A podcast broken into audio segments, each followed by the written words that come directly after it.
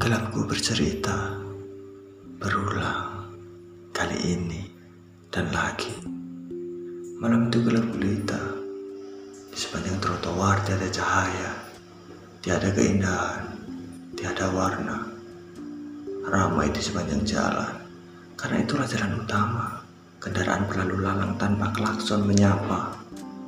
Hush, seakan jalan menjadi arena pebalap andal.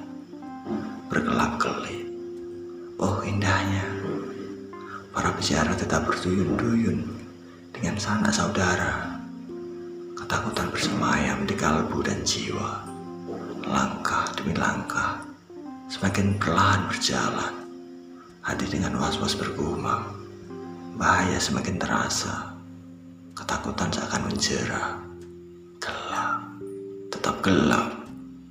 Penerangan di jalan tak mau menyala. Berhari-hari tanpa solusi. Bergantung pada cahaya pemilik gubuk selamanya. Ataukah seberkas cahaya kendaraan menjadi jawaban? Entahlah.